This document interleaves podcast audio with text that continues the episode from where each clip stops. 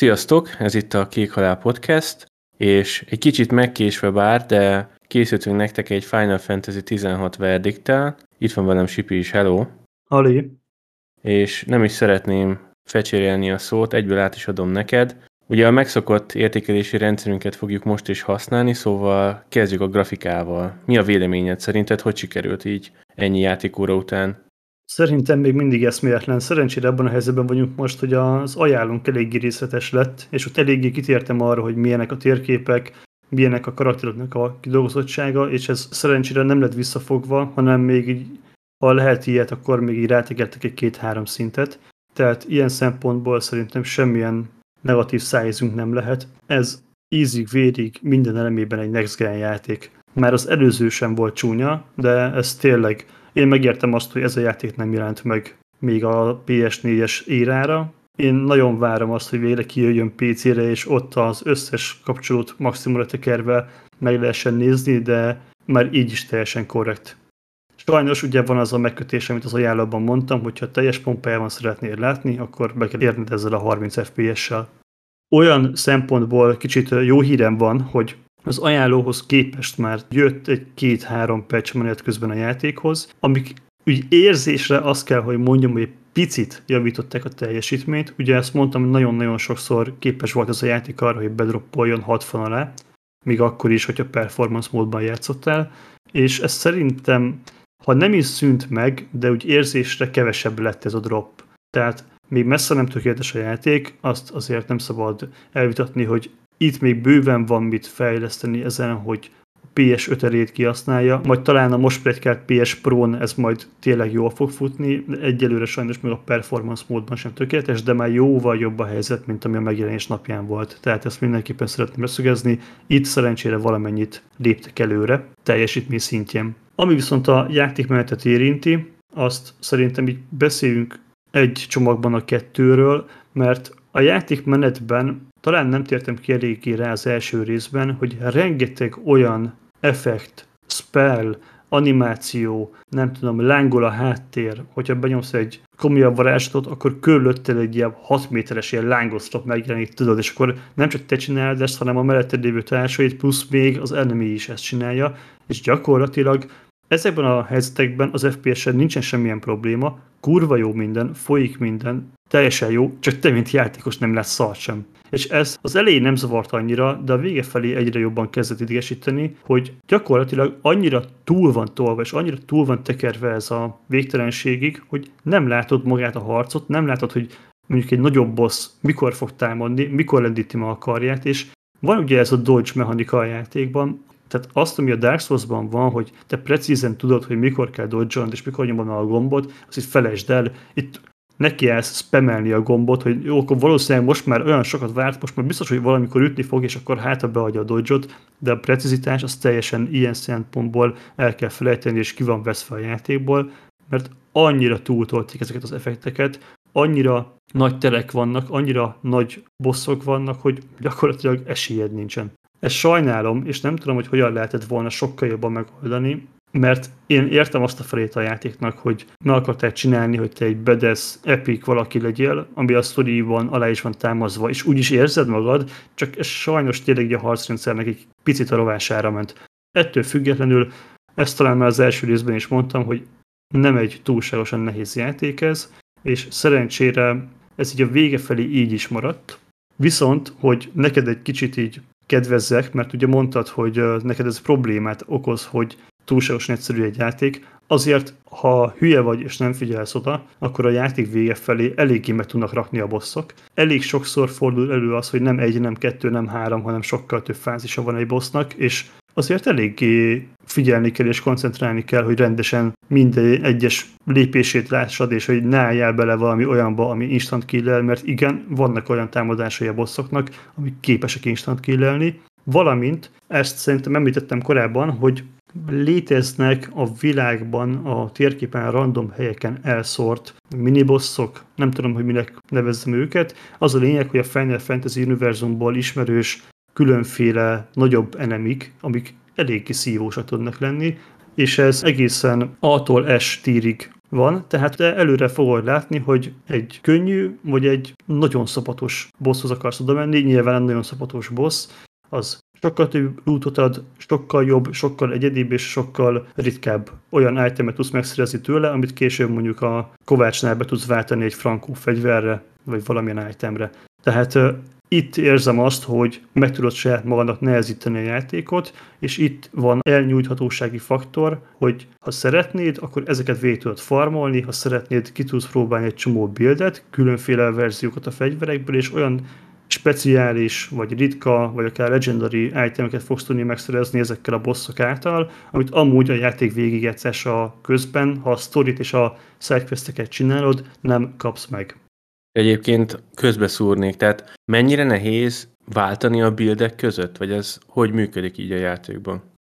Szerintem baromira jól meg van csinálva. Azt kell tudni, hogy a story folyamán különféle képességekre teszel szert. Szerintem ezt már mondtam, hogy nyilván a tüzes, jeges, levegős, földes, stb. stb. stb. képességet megkapod, és az a lényeg, hogy ezekből egyszerre maximum háromféle típus lehet nálad, és a háromféle típusnak kétféle varázslatát választhatod ki. Van egy tárcsa minden egyes ilyen elemhez, tehát mondjuk a föld elemnél tudsz ötféle spellt kiválasztani, nyilván egy gyengébb, de baromi gyorsan eltolható, egy erősebb, de nagyon sok CD-vel rendelkező, és akkor ennek a változatait mindéket egyesével tudod fejleszteni, egy nagyon jó elemet behoztak, azt, hogyha te elköltesz mondjuk 1000 pontot egyiknek a megtanulására, utána a későbbiekben te azt gondolod, hogy szeretnéd teljesen más buildet kiválasztani, akkor foghatod és leveted róla az 1000 pontodat, visszaadja, és el tudod költeni másra. Ez szerintem egy tök ilyen játékos barát hozzáállás, hogy nem kell neked azt csinálnod, hogy akkor újra farmolsz X mennyiségű pontot, hogy meg legyen mindegyik, mert elméletileg ki tudod mindéket nyitni, hogyha szeretnéd, de az barom sok idő. Na és az a lényeg, hogy ha megtaláltad, hogy mondjuk a tűz elemű, azért mondom a tüzet, mert ezzel kezdesz a játékban, tehát ez nem spoiler, ha a tűz elemű mágiából kiválasztod azt a kettőt, ami neked tetszik, akkor emellé tudsz választani olyat, ami passzol. Tehát nyilván tűz mellé jeget választani lehet, hogy nem a legokosabb kombináció. Remélem érted, hogy mire akarok célozni, tehát ezt mindenki ki tudja tapasztalni, hogy mik azok a kombok, amik között váltogatva össze tudsz egy olyan spell sorrendet rakni, ami a végén egy baromi erős támadással alakul, vagy akár egymást erősítve tudod ezeket használni. Tehát most mondok egy példát, van egy olyan varázslat, ami baromi erős AOS sebzést csinál de nyilván annak van egy maximum rádiusza. És van egy másik elemből egy másik varázslat, ami azt csinálja, hogy összerántja a kisenemiket egy szűk területre, és mondjuk egy 10-15 másodpercig ott tartja őket, akármilyen erősségűek. Hát akkor nyilván az a kombó, hogy eltudod az egyiket, összehúzod a másikat, pedig rátolod az AOE-t, és megölsz mindenki gyakorlatilag 3 másodperc alatt.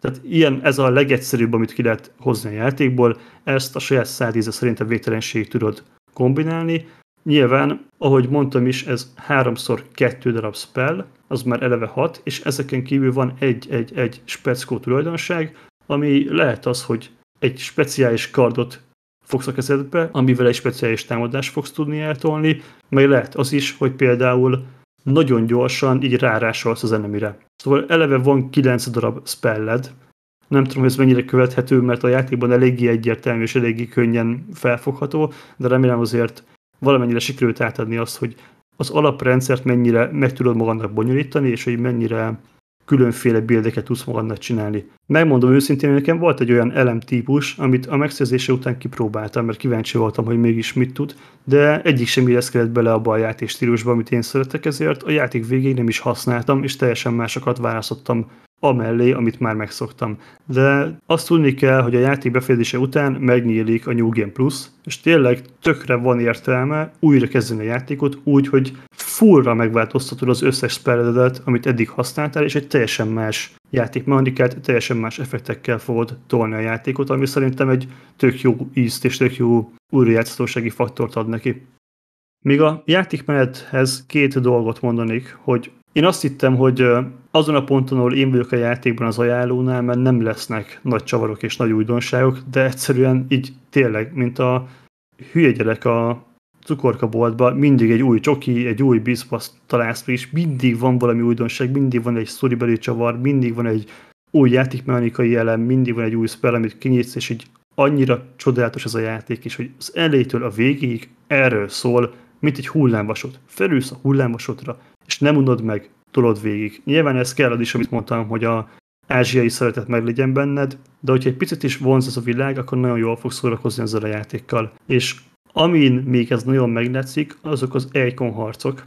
Erről is beszéltünk, hogy a főbb karakterek, illetve te jó magad is át fogsz tudni változni Ejkonokká, amik ezek a baromi nagy Bahamut, Ifrit, Shiva, aki Final fantasy játszik, képbe vannak ezekkel a nevekkel, hatalmas szörnyegek végtelen erővel, és ezek harcolnak egymás ellen, amik olyan szinten látványosak, és olyannyira túl vannak tolva. Valamelyik előző részben, talán a 15-ben volt egy olyan jelenet, amikor egy földbolygónál is nagyobb méretű egykon fogta a kardját, és így belevágta a bolygóba. Na hát, még ezzel is tudtak kicsit tovább tekelni. Eszméletlenik vannak. Nyilván nem akarom elszpoilerezni, mert nagyon látványosak, nagyon epikusak, de tipikus Final Fantasy, ezt tényleg mindenkinek látnia kell, mert nagyon nagyon-nagyon állat. És így zárszóként a játékmenet kapcsolatban nekem a Final Boss az egy picit szokatlan volt. Azt kell tudni, hogy az összes FF-ben eddig, amiben én játszottam, úgy volt, hogy a Final Boss az egy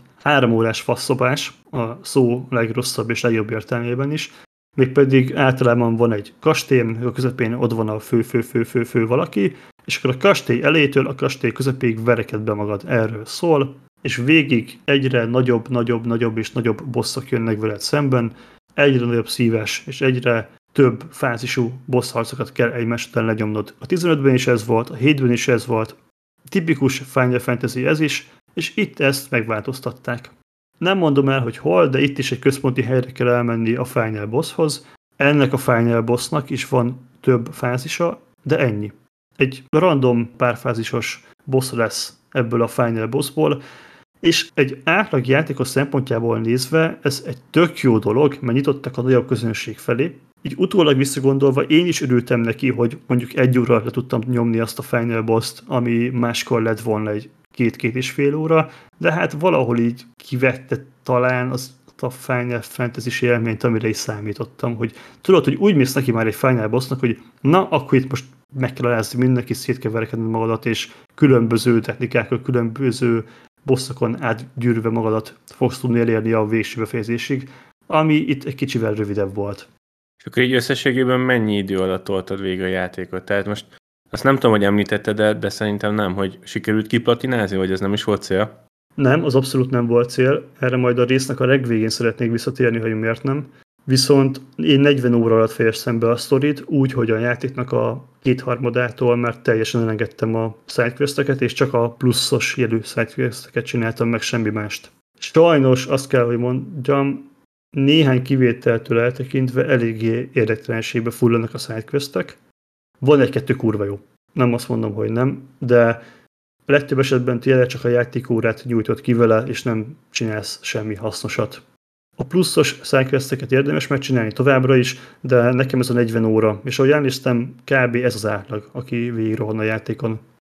Na de viszont térjünk rá kicsit a sztorira, ami továbbra is spoilermentes lesz, nem fogok elmondani semmit.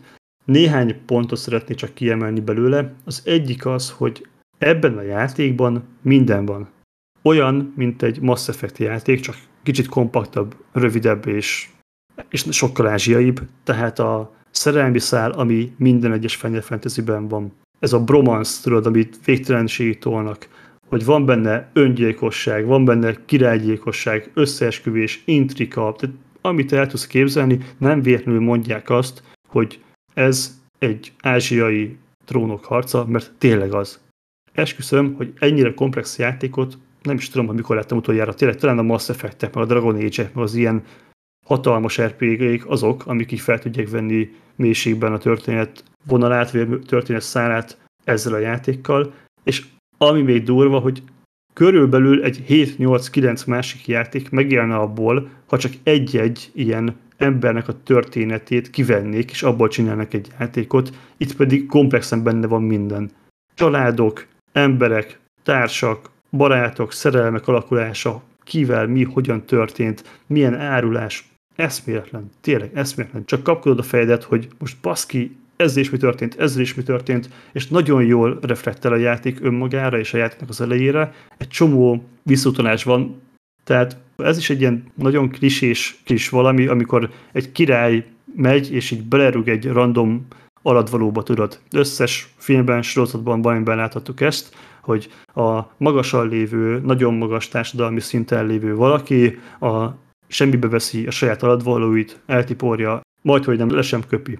És magának a filmnek, sorozatnak, valaminek a szónak a végén olyan helyzetbe kerül, hogy ez a valaki fogja megmenteni az életét, vagy segíteni rajta. Ezt tudod, ilyen klisés, egymilliószor megcsinált jelenet, és ebben is vannak ilyenek, csak ez is teljesen ázsiaivá áttéve. És amiket említettem a harcrendszernél, hogy mennyire durván látványosak tudnak lenni, ugyanezt sikerült Storyfronton is megcsinálni. Olyan képeket lőttem, olyan screenshotokat lőttem, csak egyet szeretnék kiemelni. Az egyik főszereplője a játéknak fogja magát, és azt a várost, amelyikben él, porigrombolja. Majd a porigrombolt város kellős közepén a halottakra emlékezve egy ilyen tipikus japán szokás ez is, hogy ilyen lámpásokat engednek fel vízről, tudod, vagy vízpartról, és ezzel emlékeznek a halottak szellemeire. És ez annyira kurva jól néz ki, annyira jól áll neki ez a sötétben, a háttérben a romos házak, közben ezek a piros, a narancsárgán, világító lámpások, hogy emelkednek fel az égbe. Barmi látványos. És nem csak a látvány, hanem magában a sztoriban is tudnak ilyen csavarokat létrehozni, mégpedig amikor a Shiva erejét szerezzük meg, ez sem spoiler, mert benne volt egy csomó trélerben, az gyakorlatilag egy olyan jelenet, ami egy tábortűz mellett zajlik, és csak beszélgetnek, és mégis olyan csavarokat, meg olyan dolgokat tudnak belevinni, és a sztorinak azon a pontján már olyan érzelmi töltetet kap ez az egész jelenet, hogy így tökre így át tud élni te is. És nekem ez tetszett nagyon ebben a játékban, hogy ennyire magával tudja ragadni a játékost, hogyha egy kicsit is van ebbehez a Final Fantasyhez valamennyi kötődése. Engem legalábbis teljesen így elvarázsolt. Viszont, ami a játéknak a vége lesz, és ami a legnagyobb csavar az egész sztoriban, az szerintem nem csavar. Tehát gyakorlatilag a játék egy harmadában már így kiderült, hogy ki lesz a főgonosz, onnantól kezdve csak mész felé. A mellék karaktereknek az élete és az ő sorsok alakulása sokkal durvábban ki van fejtve, egy csomó érzelmes jelenet van, de a főgonosz azt szerintem szokatlanul gyenge lett. A végén sikerül ezt így sztorival egy picikét oldani, de az tényleg csak egy minimális oldás, és csak annyi, hogy a te epikusságodat tudja még magasabb szintre emelni, gyakorlatilag ennyit értek el vele. Nekem ez egy kicsit olyan csalódás volt, vagy negatív szájíz hajott maga után, talán ez a jó szó, hogy ez nem volt annyira jól kidolgozva, mint mondjuk egy Final Fantasy 7-nél. Az sokkal jobb és sokkal velősebb gonoszokat tudott felmutatni. Nyilván ez az a legerősebb rész ilyen szempontból. Jó előbb említetted, hogy így a vége fele már skippelted a sidequesteket, de úgy összességében szerinted mennyit csináltál meg belőlük, vagy mennyire érdemes őket egyáltalán megcsinálni? Fú, kb. olyan egy harmadát csinálhattam talán meg, és azoknak is a nagy része ezek a pluszos sztorik voltak. Egy-kettő nagyon jó van.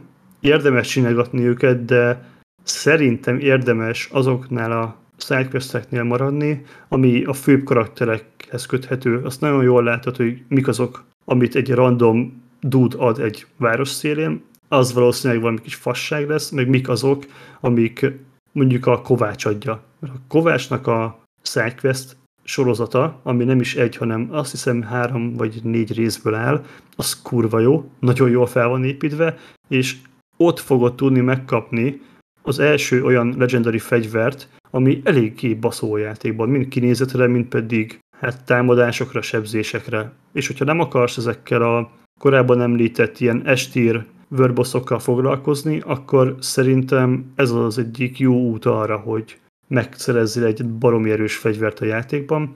És vannak még olyan sidequestek, amiket nem a veled együtt kalandozó emberek annak, hanem hogyha elmész mondjuk egy térképben egy nagyvárosba, és ott mondjuk egy vezető ad. Tehát az ilyen típusúak az, amit még érdemes megcsinálni, mert abból egy csomó mindenki fog derülni. De például csináltam olyan sidequestet is, hogy egy faszom pék annak az egyik embere elment, és akkor hozzám vissza, mert nem tudja sütni egy kenyeret. Érted? Tehát hát az meg, hogy ez gyakorlatilag ilyen időhúzó sidequest. Ezeket abszolút nem érjem megcsinálni, sőt volt olyan is, amit felvettem sidequestet, elolvastam, hogy miről van szó, aztán oké, okay, hello, le is adtam, ennyi volt.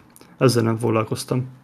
Amit viszont ezzel kapcsolatban szerintem így érdemes elmondani, és ez nem csak a Final Fantasy-re igaz, hanem így általánosságban így a 2023-ban lévő játékárakra igaz, hogy egyrészt, mivel ez a verdiktet is meg kellett volna vennünk, másrészt pedig szerettem volna befejezni a játékot minél hamarabb, mert kibaszott rák ezek a játékok. 26-7 ezer forintért vettem én is, és gyakorlatilag, ha nem szeretnéd kitenni a polcra dísznek, és nem akarod kétszer, háromszor, négyszer újra játszani, akkor személy szerint én úgy vagyok vele, hogy próbálom minél hamarabb letudni, hogy még minél kevesebbet veszítsek az újkori árán a játéknak, hogy el tudjam adni használtam. És ez sajnos egy ekkora méretű ilyen komplex játéknak, mint például a Final Fantasy is nagyon nem tesz jót. Az, hogy csak azért pusolod és azért pörgeted a játékot, hogy minél hamarabb befejezett, hogy el tudjad adni, ez nem tudom, hogy mennyire jó dolog a játékiparban, de sajnos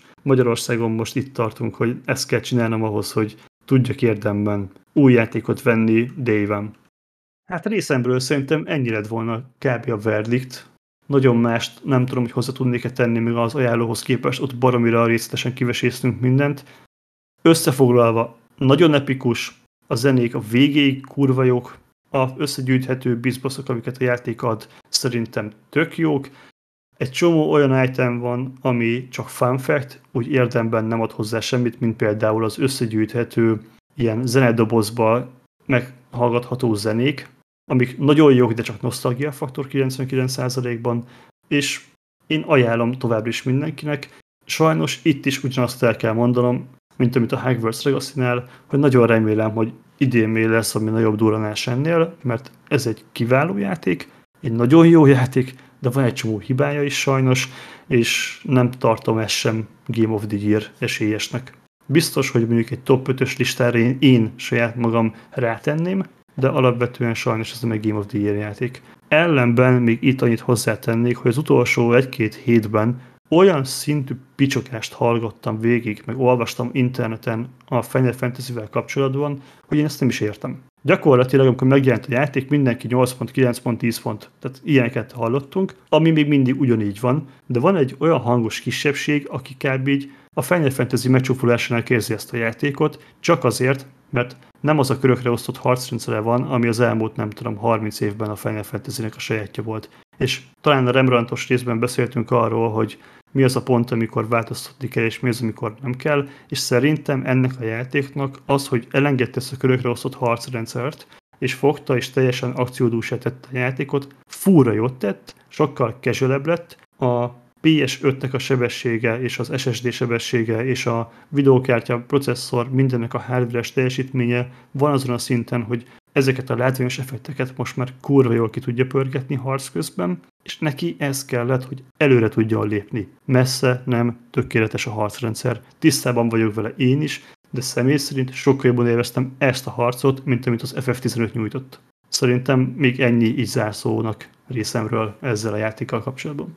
Nem tudom, neked van-e valami kérdésed? Nem, szerintem nagyon jól összefoglaltad, és hogyha nincs neked se további hozzáfűzni valód, akkor szerintem zárhatjuk az adást. Igen, igen. Csatlakozzatok a Discord szerverünkhöz, ahol bármilyen kérdés vagy véleményt meg tudtok nekünk írni. Kérlek titeket, hogy értékeljétek a podcast csatornánkat az általatok használt platformon. Körülbelül ennyi lett volna. Jövő héten találkozunk, addig is jó játékot nektek, sziasztok! Sziasztok!